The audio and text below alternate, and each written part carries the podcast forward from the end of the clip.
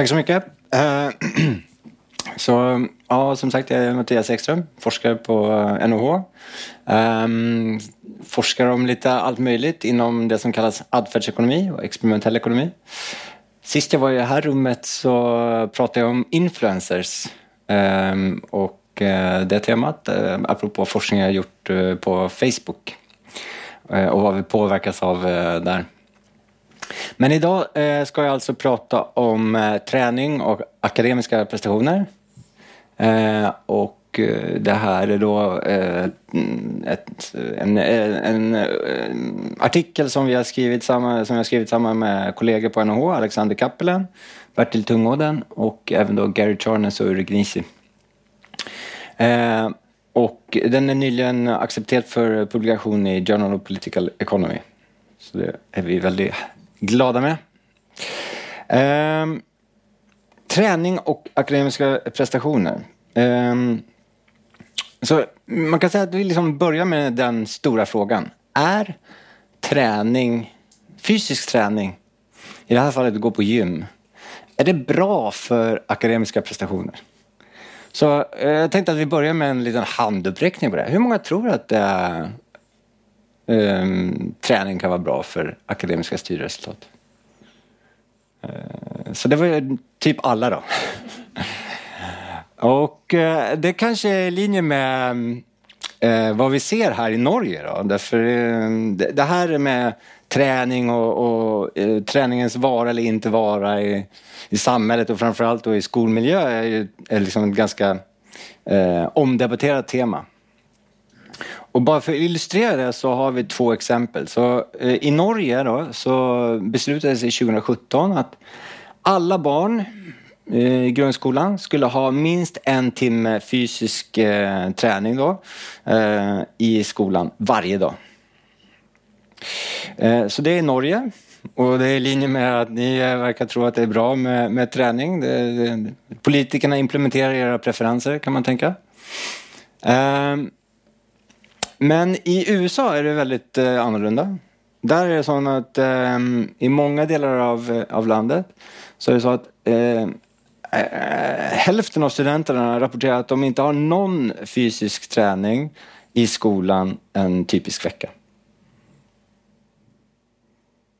Inget alls.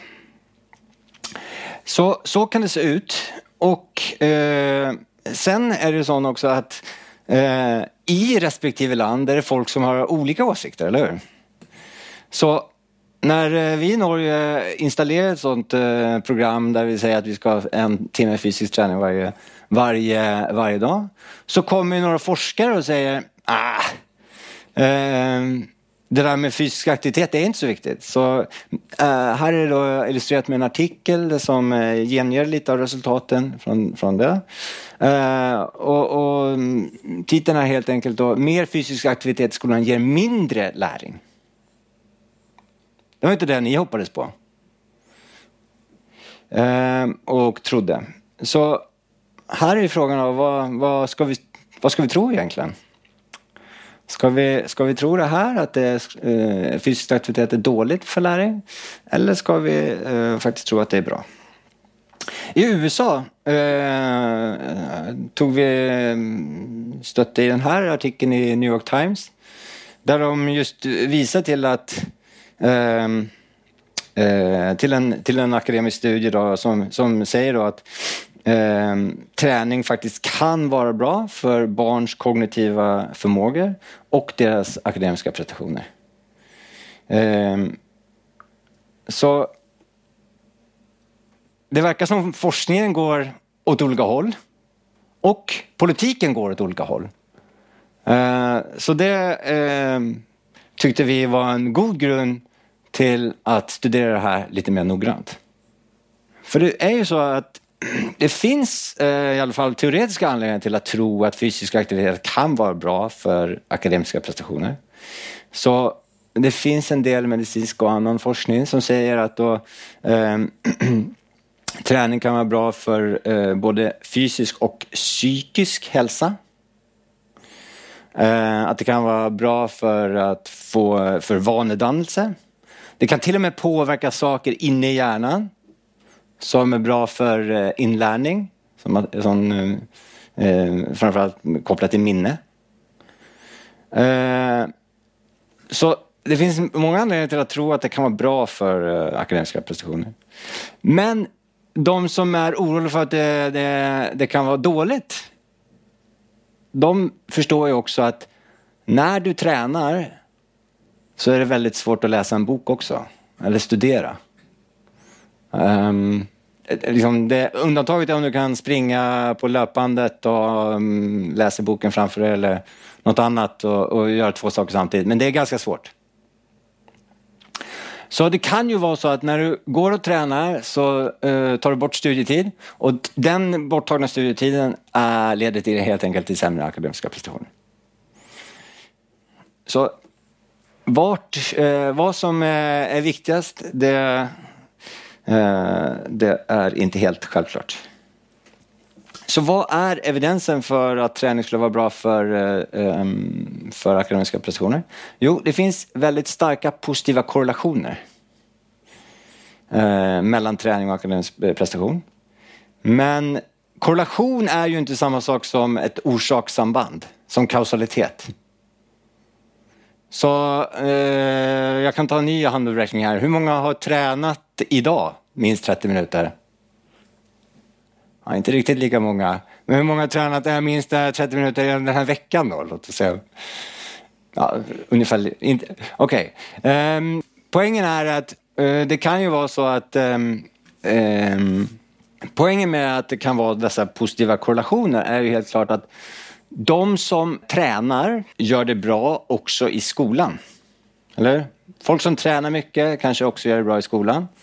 Frågan är om de gör det bra i skolan för att de tränar eller för att de bara är den typen av människor som, eh, som, eh, som eh, likar att träna och har eh, viljestyrkan och annat för att både studera och komma iväg på gymmet.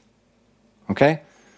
Så om viljestyrka är korrelerat eller viktigt för både för att träna och för att studera bra och göra det bra i skolan, ja, då kan det vara den här viljestyrkan som är det viktiga, inte att du går på gymmet.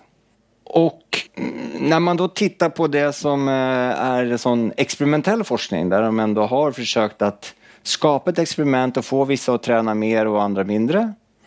Eh, så konkluderar den här Happala eh, att det är egentligen väldigt lite forskning på det här och att evidensen inte är stark utan snarare frånvarande. Så vårt bidrag här är att vi kommer in, gör det första storskaliga och det, eh, det första preregistrerade randomiserade kontrollerade försöket på hur träning påverkar akademiska studieresultat.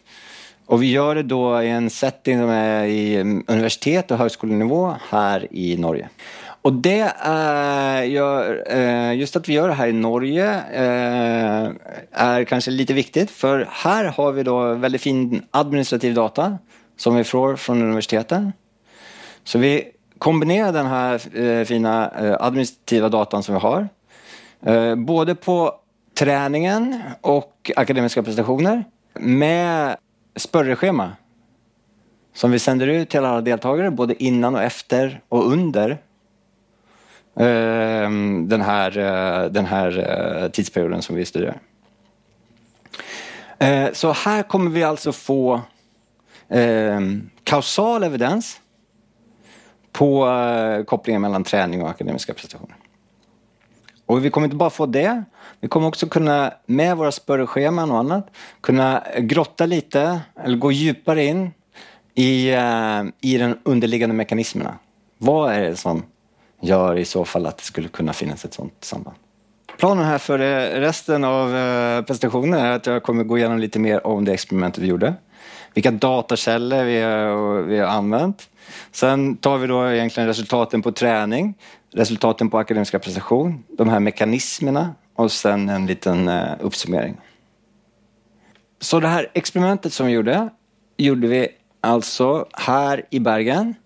Eh, där vi rekryterade ungefär 800 eh, studenter eh, dessa studenter kom från universitetet i Bergen och det som nu är HVL. Ehm, alltså, och var mm, högskolan i Bergen när vi gjorde den här studien. Det som är viktigt att känna till är att vi ett ehm, Eh, riktades in oss på eh, bachelorstudenter. Eh, och framförallt bachelorstudenter som var i sitt första år. Och anledningen till det eh, kommer jag inte prata om idag, det kan jag komma tillbaka och prata om senare. Men det är att vi vill eh, studera både um, eh, deras eh, beteende i den första semestern som vi är intresserade av här idag, men också upp till två år efteråt. Så därför vill vi ha då eh, bachelorstudenter i sitt första år så att vi kan ha möjlighet att följa dem under eh, sin studietid. Eh, det andra som är viktigt att känna till är att vi ville att de inte skulle gå på eh, gym eller inte vara medlem i något gym eh, innan eh, de kom in i vår, vår studie. För kom ihåg, här är vi intresserade av att få eh, Eh, slumpmässig variation i vilka som tränar och inte. Och då vill vi gärna inte ha eh, folk som redan tränar mycket. De, de, eh, de är, det, det är svårare att att, få folk att sluta träna kan man tro än att få några folk att börja träna. Um, en liten fun fact här är ju att jag är på NH, mina kollegor är NH. Ni kanske undrar varför vi gjorde det här på en universitet i Bergen och HVL. Uh, eh, problemet för oss var att 90 procent av studenterna på NH redan går på gym och har köpt ett kort på Samman. Då. Ehm, så det blev lite svårt där. De här 800 eh, studenterna randomiserades sen till en ehm, behandling och en kontrollgrupp. Och vad är då behandlingen? Jo, behandlingen är att de fick ett gratis gymkort på Sammen, det som heter SIB vid den här tidpunkten. Och de, de fick ett, ett gratis eh, SIB-kort för en termin och det här var då vårterminen 2016. Um, ehm, och det är bara bra att känna till att i vårterminen 2016 i alla fall så motsvarar det här eh, då ehm, um, 140 dollar, alltså 1100 kronor. Så det var subventionerat men ändå en, tillräckligt dyrt för att inte alla skulle ha köpt det till att börja med. Och det ska ju sägas här då redan här att det kan ju vara så att de i kontrollgruppen också går och köper kortet på, på egen hand. Det är ingenting som vi förbjuder på något sätt. Ehm, men, eh, med, eh, men då får de ju betala och vi tror väl att givet att de får det gratis så kommer förhoppningsvis de i behandlingsgruppen bli mer benägna att gå på gymmet än de i kontrollgruppen. Så här har vi alltså fått eh, den här eh, fina slumpmässiga variationen i om eh, de, eh, eh i tillgången till gym. Och på det sättet kan vi då studera om den tillgången på gym eh, har en kausal effekt på träning och de andra variablerna. Här är lite eh, viktiga eh, tidpunkter. Så Okej, okay, jag har ställt många spörsmål. Hur många har studerat på ett universitet eller högskola i Norge? Oj, det var färre än vad jag trodde. Okej, okay, intressant. Då, då är det här viktig information att känna till. Um, det här är um, alltså så här som en typisk eh, semester egentligen går till på eh, en högskola eller universitet i Norge. Eh, vårterminen här börjar januari, 11 januari. Okej. Okay. Sen är det så att de kan liksom shoppa runt lite mellan olika kurser vilka kurser de vill ta. Och, ehm, Eh, men de måste bestämma sig vilka kurser de ska ta innan eh, eh, första februari. Då måste de ha fattat sitt beslut. Så vi väntade tills de hade fattat det beslutet innan vi randomiserade dem till grupper. Och det gjorde vi för att det är viktigt här att liksom, det ska inte vara så att du kanske får ett gymkort och så helt plötsligt väljer du då att ta lite lättare kurser. För att du tänker, att jag ska ju träna den här semestern, nu vill jag bara slappa av lite och ta lite lättare kurser. Och därför skulle det se ut som att de kanske gjorde det bättre på skolan. Så vi väntade tills att de hade bestämt sig vilka kurser de ville ta. Eh, och sen första veckan i februari då, eh, så rekryterade vi deltagarna och gjorde en, eh, den första eh, spörreschemat. Eh, när de hade gjort det, eh, så i mitten på februari så eh, randomiserade vi dem till eh, kontroll och, och behandlingsgruppen och eh, informerade deltagarna såklart eh, om de fick kortet eller inte. Och 16 februari i det här fallet då, var det möjligt att börja eh, gå och eh, eh, plocka ut det här gratis eh, SIB-kortet och börja träna. Um, sen rullar väl egentligen det här på, uh, Eh, den akademiska semestern, fram till maj. Och då börjar examensperioden. Så det är också viktigt att känna till att liksom, man läser alla kurser samtidigt. Sen kommer man in i maj och då är det en examensperiod. Eh, och eh, det är alltså prestationerna på examen där, hur många studiepoäng och hur bra karaktär man får på examen i den studieperioden som är det som är, vi kommer måla som akademisk prestation i, i det som kommer senare. I slutet på maj eh, gjorde vi också en, en, eh, en till spörreschema eh, som vi sände med, e-post och sms till deltagarna. Eh, och fick lite svar där. Och sen eh, eh tar eh, eh, semestern slut i juni. Och eh, det här eh, SIB-kortet eh, förfaller också 30 juni. Så det var sex månader, de, eller lite drygt, lite, egentligen då blir det ju bara fem och en halv månad ungefär som de kunde träna. Okej, okay, så data här. Som sagt så har vi administrativ data, data från de här äh, blipparna eller kortet som man använder för att komma in på gymmet. Äh, så det är då objektiv data på hur mycket man tränar. Eh, där vet vi antalet besök på per semester. Både faktiskt innan, alltså hösten 2015, men också såklart i, i, eh, i våren 2016. Det har vi för alla även i kontrollgruppen. Så om de går och köper ett kort så får vi med oss dem även i kontrollgruppen. Ehm, det är viktigt att veta om. Och Eh, sen är det såklart att hur mycket de tränar eller vilken typ av träning de gör, det har vi inte uh, full pejling på. De kanske går dit och bastar men, uh, och har det lite skönt.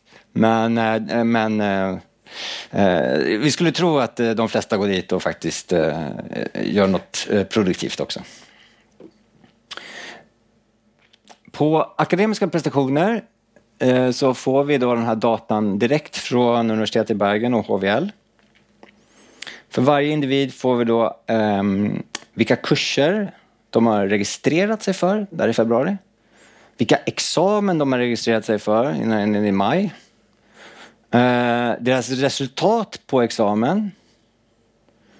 Eh, och igen, både då i den här semestern som vi har mest fokus på, men också innan eh, studien egentligen gick igång. Spörreschemat spör vi massa saker, såklart. Men det som är viktigt är att vi hade uh, i den här uh, den pre-registreringsanalysen som vi gjorde så sa vi att vi hade fokus på fyra uh, dimensioner som vi tyckte var extra intressanta.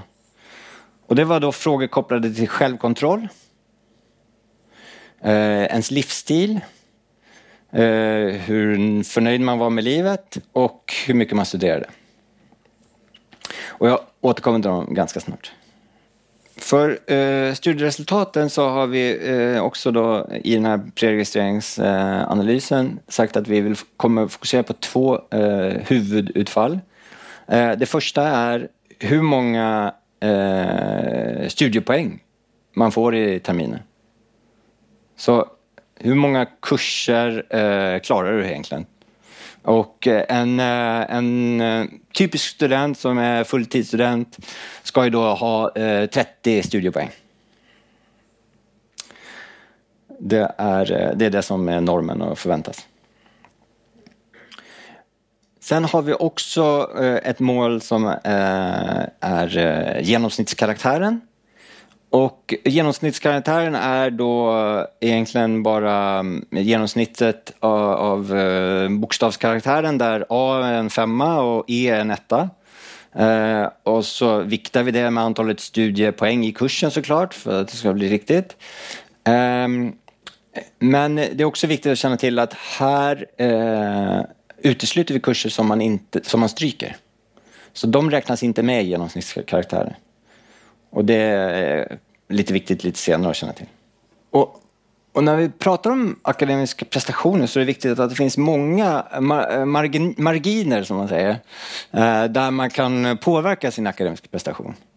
Så som sagt, eh, eh, man börjar längst ut till vänster här i figuren med att registrera sig för en kurs.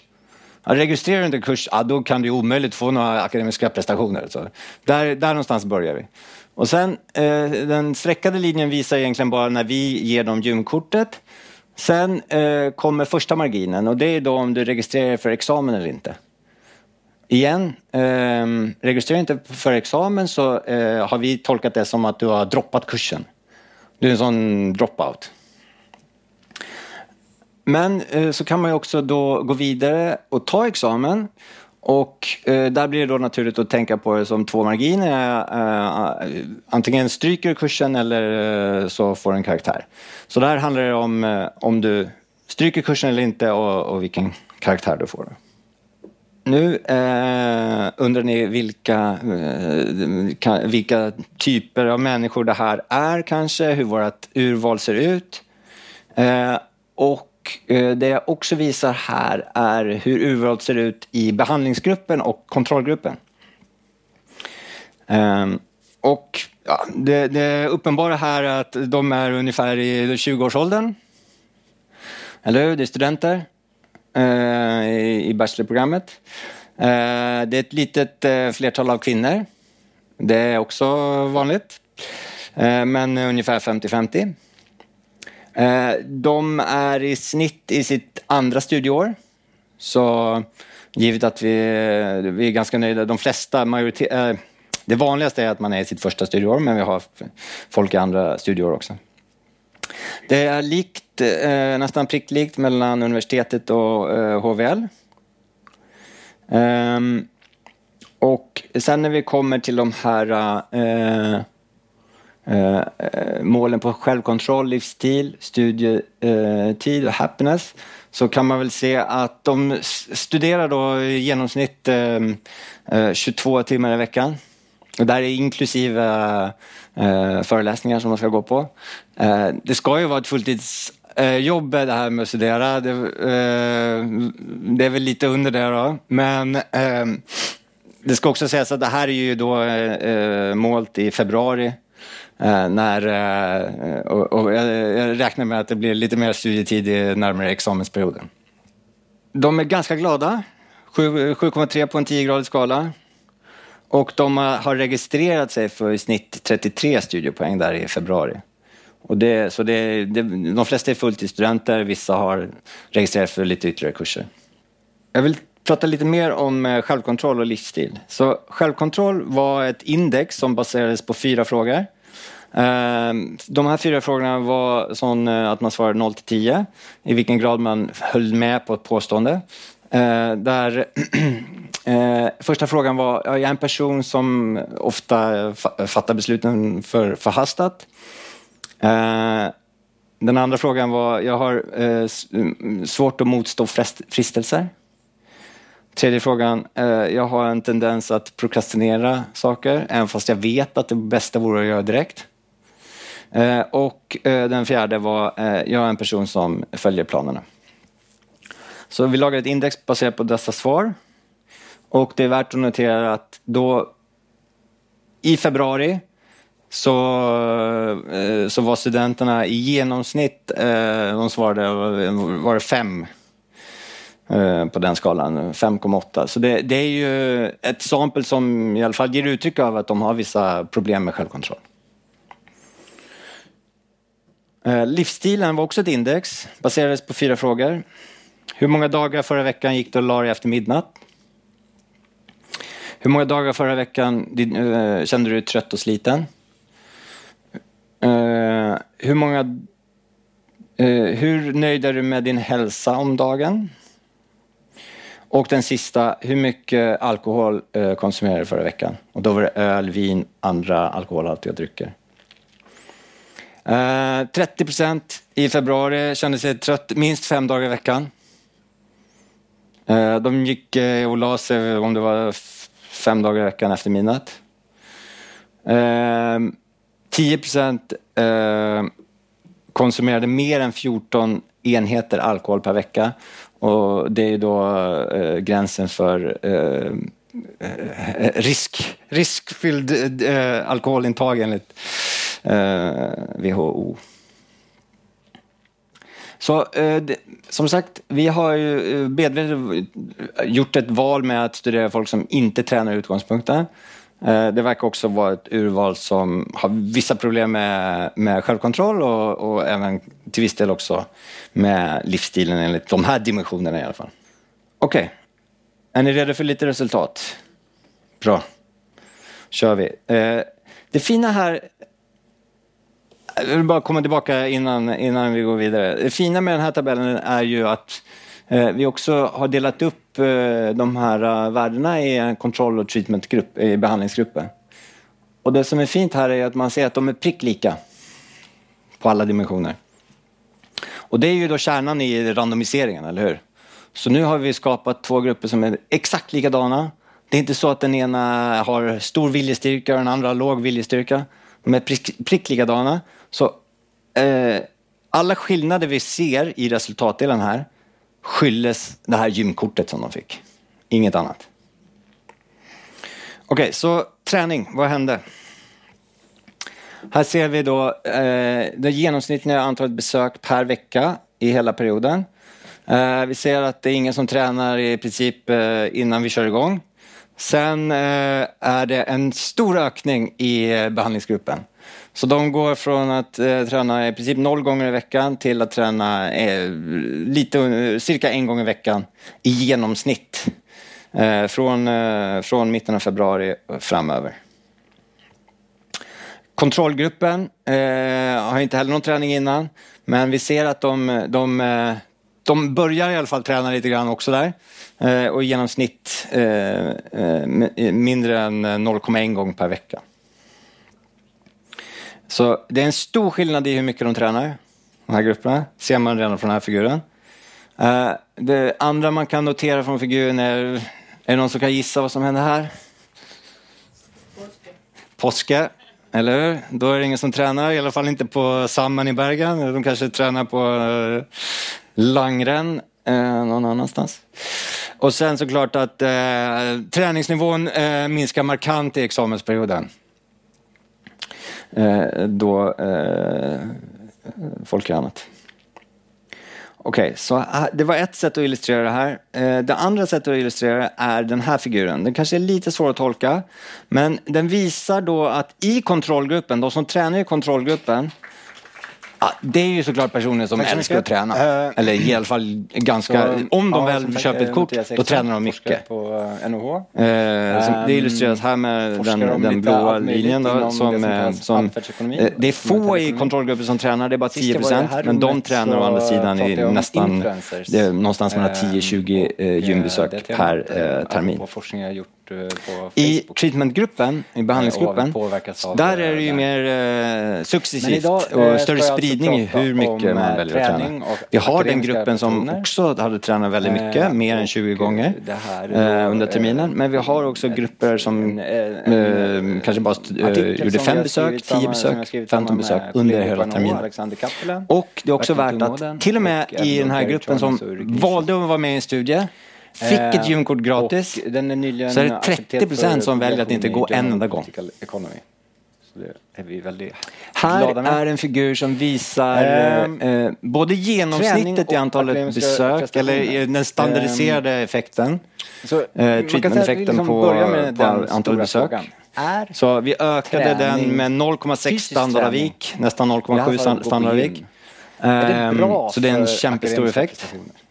Standardavik. Så eh, jag tänkte att vi börjar Eh, med en liten hand. Det vi gör här är att vi visar effekten beroende på vilken eh, anledning de hade till att de, som de sa i februari, att de inte tränade. Så vissa sa i februari, nej jag typ kan inte träna för jag har ingen tid.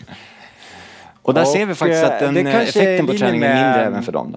Då. Eh, De hade tid och Norge den är definitivt eh, det med signifikant skydd från noll. De gick och tränade, men, vara men eller mindre än genomsnittet. Eh, samhället och och framförallt här borta till vänster har vi de som liksom tyckte att ganska, eh, det var eh, dyrt med det här gymkortet. Ja, men de hade mycket tid Och för bara att för att träna. illustrera det så Och där vi ser vi en, en, en kämpestor effekt.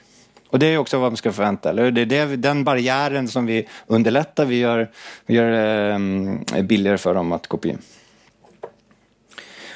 Men eh, inte helt oväntat, ge studenter gratis träningskort och stora flertalet kommer faktiskt gå eh, och träna. Nu kommer vi till det mest spännande och det är resultaten på akademiska prestationer. Och jag visar det bara rakt upp och ner. Här har vi eh, en figur som visar effekten, alltså skillnaden mellan behandlingsgruppen och kontrollgruppen på, på det vi kallar completed study points, alltså studiepoängen som de har tagit. Och det vi ser då här till vänster är att det är 0,15 standardviks eh, förbättring eh, i hur många studiepoäng man klarar att få. 0,15 standardvik kanske inte säger så mycket. Det motsvarar en och en halv studiepoäng ungefär. Här är genomsnittskaraktären och där ser ni att det är ingen eh, skillnad mellan treatment och kontrollgruppen. Men kom ihåg här att det var eh, betingat på att du hade klarat kursen. Så det är ett ganska positivt resultat. Okej? Det innebär att de här eh, som fick eh, gymkortet, de har klarat att eh, ta fler kurser. Och de har lyckats behålla sin karaktär, sin, sin genomsnittskaraktär, trots att de har tagit fler kurser. Så det är väldigt, väldigt positivt. Man skulle kunna tänka att man tar fler kurser men man sänker sitt genomsnittskaraktär. Men här ser vi att de både tar fler kurser och behåller sin genomsnittskaraktär. I den här tabellen lägger vi till kontrollvariabler, alltså de ska ju vara lika på allt så, och det är de. Eh, men vi lägger till massa kontrollvariabler bara för att se effekten är där fortsatt. Och om något så blir den faktiskt bara starkare. Ehm, så det är väldigt betryggande. Ehm, vi har gjort flera robusthetstester. Som sagt, det här gjorde vi 2016, experimentet. Nu publiceras det i tidskrift, så det, det har varit en lång process med massa olika analyser som vi har behövt göra för, eh, för tidskriften. Då. Men eh, ehm, Eh, vi ser bland annat då i de här robusthetstesterna att eh, vi kan kontrollera för hur bra de gjorde det hösten 2015. Har ingen betydelse. Vi kan också vi kan välja att kontrollera eller inte kontrollera för hur många studiepoäng de registrerar sig för i februari. Och ehm, ja, vissa andra sådana här saker som man vill kontrollera för. Den här effekten på studiepoäng, eh, kommer du ihåg de två marginerna som kunde påverkas? Det visar sig att ungefär 60 procent av förbättringen i studiepoäng drivs av att de eh, droppar färre kurser. Alltså att de eh, anmäler sig till examen på fler kurser. Så mycket av eh, effekten kommer redan där. Eh, medans, eh, ja, det ska vara 40 procent, en liten typo där. Men 38 procent ska det vara som drivs av att de också faktiskt eh, eh, är mer benägna att eh, inte stryka på examen när de väl går dit. Så lite av båda eh, effekterna där. Här är en sån viktig fråga om vi går tillbaka till motiveringen där vi pratar om det. För ni sa ju det att okej, så träning kan vara bra för studieresultat. Men alltså, det kan ju också vara så att man tränar för mycket. Och vi gör då en liten analys och det ska sägas att det här blir ju genast korrelationellt för folk väljer hur mycket de vill träna. Men eh, när vi gör den här analysen så ser vi i alla fall att det är en konkav eh, funktion mellan träning och studieresultat. Vilket innebär då att eh, det, det, finns något slags optimalt antal gånger att träna. Efter det ser det ut att faktiskt vara dåligt för studieresultaten. I det här fallet är det att, eh, att man ska besöka gymmet 24 gånger per termin, vilket motsvarar ungefär två gånger per vecka. I, I den här perioden i alla fall. Och det tycker jag i alla fall, eh, det hördes eh, bra ut. Liksom. Vi vill inte träna för mycket. Eh, man måste ha tid för lite annat också i livet. Och det vi också ser här är att, um, att det, det, verkligen ser ut som att det är det här gymkortet som, som uh, är anledningen till effekten vi ser. Det här, uh, nu har vi kommit till uh, mekanismerna, så det är egentligen det här, vad är anledningen till att de faktiskt gör det bättre i, i skolan? Och då tänkte vi på följande sätt för att kunna försöka testa dessa mekanismer. Den ena är, eh, därför vi tänkte ju då att okay, det, borde, det skulle potentiellt kunna vara kopplat till självkontroll. Att vi har förbättrat folks självkontroll, att de liksom går upp på morgonen och bla bla bla och sånt. Följer, följer sitt schema bättre. Eh, det skulle kunna vara såklart eh, att de också får en bättre livsstil, går och lägger sig tidigare, dricker lite mindre alkohol, får en bättre rytm. Ehm, ehm, det kan också vara de här studietimmarna, eller hur? Att de studerar mer. Ehm, och eh, det kan också vara att de är gladare. Så liksom det var de fyra variablerna vi hade, hade extra tro på eller ville undersöka lite närmare. Eh, så för att studera om det, de kunde vara viktiga, så det första vi vill göra nu är att se, är det en effekt på dessa variabler när vi sänder ut det här spörrschemat i maj? Okay? Det är ett sätt. Är det en behandlingseffekt på några av de här variablerna? Det skulle ge indikation på att de verkar vara viktiga i effekten vi ser.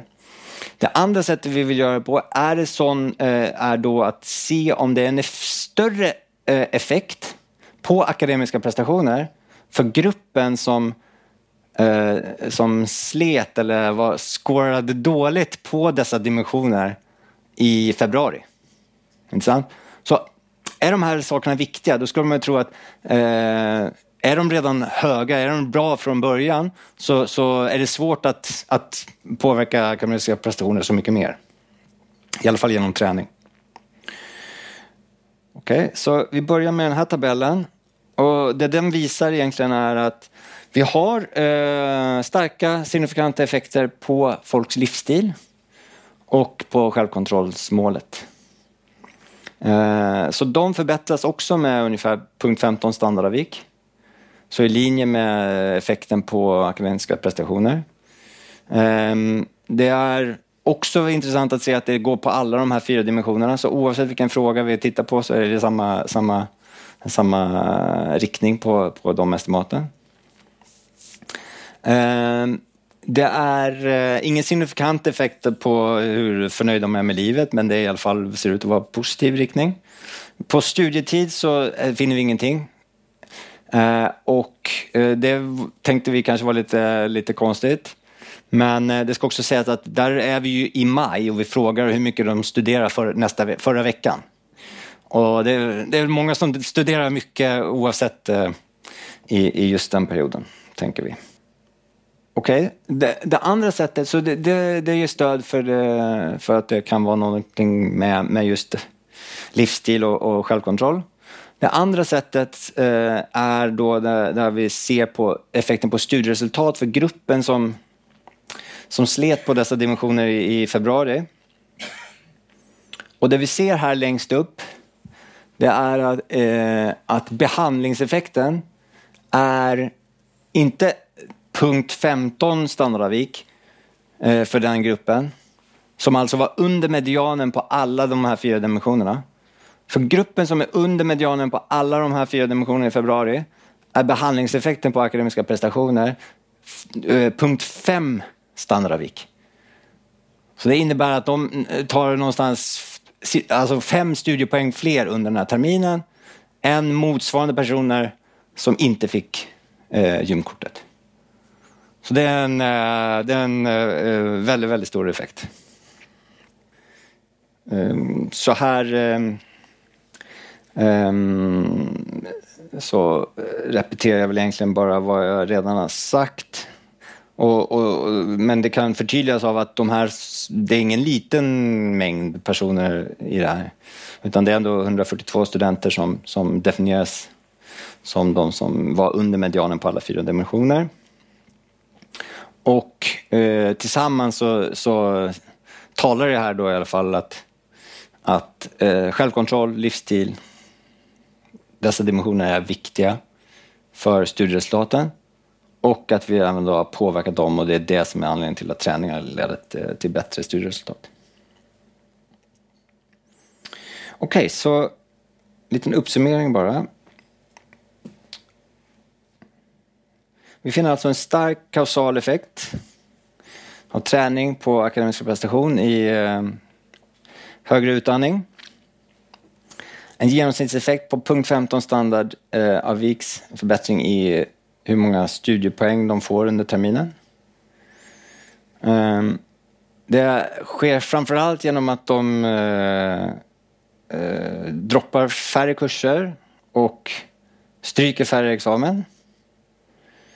Ehm, så det är väldigt intressant. Den här positiva effekten på studiepoäng har inte negativ effekt på, ehm, på genomsnittskaraktär. Man behåller samma genomsnittskaraktär trots att man tar fler studiepoäng. Effekterna här har vi pratat om ofta i standardavvik.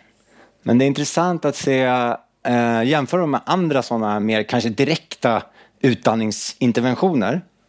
Eh, och effekten är eh, jämförbar då med en, en, eh, en stor förbättring i eh, lärarkvaliteten.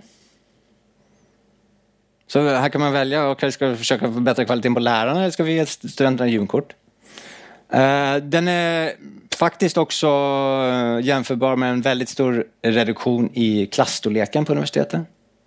Också intressant. Okej, ska vi försöka minska klasserna eller ska vi bara ge dem gymkort? Eh, eller incitament. Alltså det är det första ekonomen tänker på. Hur ska vi få studenterna att klara att göra det bättre på, i skolan? Ja, ge dem lite pengar. Men eh, det visade sig igen då att det här gymkortet var minst lika bra som att ge folk pengar för att studera. Och det... Eh, vår tolkning av att det kan vara så pass stora effekter är ju just att liksom, det är svårt att liksom... Om man tänker så här att har du inte livsstilen, har du inte liksom den självkontrollen eller liksom vanorna för att studera, då är det väldigt svårt att påverka de sakerna med att bara göra klassen mindre eller förbättra eh, lärarkvaliteten. Det måste, man måste liksom sätta eh, folk på, på en rätt nivå innan liksom de andra sakerna ens eh, eh, har någon effekt. Det är, eh, så kan man tänka på, okej, vad, vad, vad, eh, eh, det här är en studie, eller hur, i Bergen. En, eh, en, en by i Norge. Har den någon slags implikationer för resten av Norge? Har den några implikationer för resten av världen? Det är gjort i högre utbildning. Har det implikationer för vad vi gör i grundskolan? Och så vidare. Vi kan börja med att säga att eh, det här verkar i alla fall väldigt kostnadseffektivt för universiteten och högskolorna i Norge. Så vi sa att de fick ungefär en och en halv studiepoäng extra. Eh, det motsvarar faktiskt 4 000 kronor rakt ner i fickan på universitetet. De får poäng från staten för hur många studiepoäng som studenterna klarar. Så vi har gett dem 4 000 kronor och det skulle bara kosta 1 000 kronor att ge dem ett SIP-kort. Så den, det verkar ganska eh, självklart. Det är också viktigt här att eh, eh, interventionen är ju ganska lätt att skalera upp jämfört med många andra saker. Det är inte så att det, det, alltså om du ska ge, försöka förbättra lärarkvaliteten, ja, då måste du försöka få en stor population med bättre lärare. Här behöver du bara ge dem ett gymkort så sköter det sig självt i stort sett.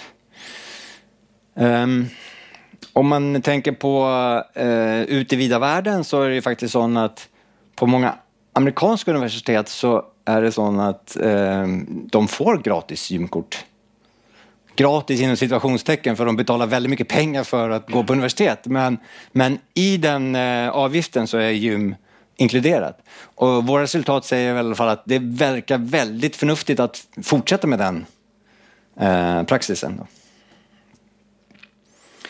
Um, och om man tänker på eh, om det här är relevant för, för eh, mindre barn och så vidare så är det ju viktigt att komma ihåg att många av de här eh, beteendena, vanorna som vi skapar med träning eh, skapas i tidig ålder. Så det kan ju faktiskt vara så att den här extra gymlektionen i skolan, i ungdomsskolan, kanske inte har en direkt effekt på hur bra man gör det i skolan då. Men det kan ju fortfarande vara så att det skapar en vana eh, som bär frukt senare i livet när man kommer till universitetet eller högskolan. Så är det faktiskt så som jag var inne på att vi har data som sträcker sig två år fram i tid. Så fram till våren 2018 i det här fallet. Så vi har eh, börjat eh, eh, titta på de här resultaten. Det är för tidigt för att presentera här. Men en, en, en liten eh, sån eh, teaser kan ändå vara att vi ser ut som att vi finner faktiskt ihållande och faktiskt till och med kanske tilltagande effekter av den här äh, interventionen. Och det ser, ser ut i så fall vara anledningen är att vi lyckas behålla de här studenterna i universitet och högskola. De har gjort det bättre en termin. Många av de här var i första året, inte sant? Så när de, eh, när de gjorde det lite bättre så är det mer troligt att de också är kvar i utandningen och det gör att de gör det bättre även eh, åren som följer. Mycket spännande här, eh, men eh, mycket spännande kvar att göra också. Det var allt för mig. Tusen tack, jättekul.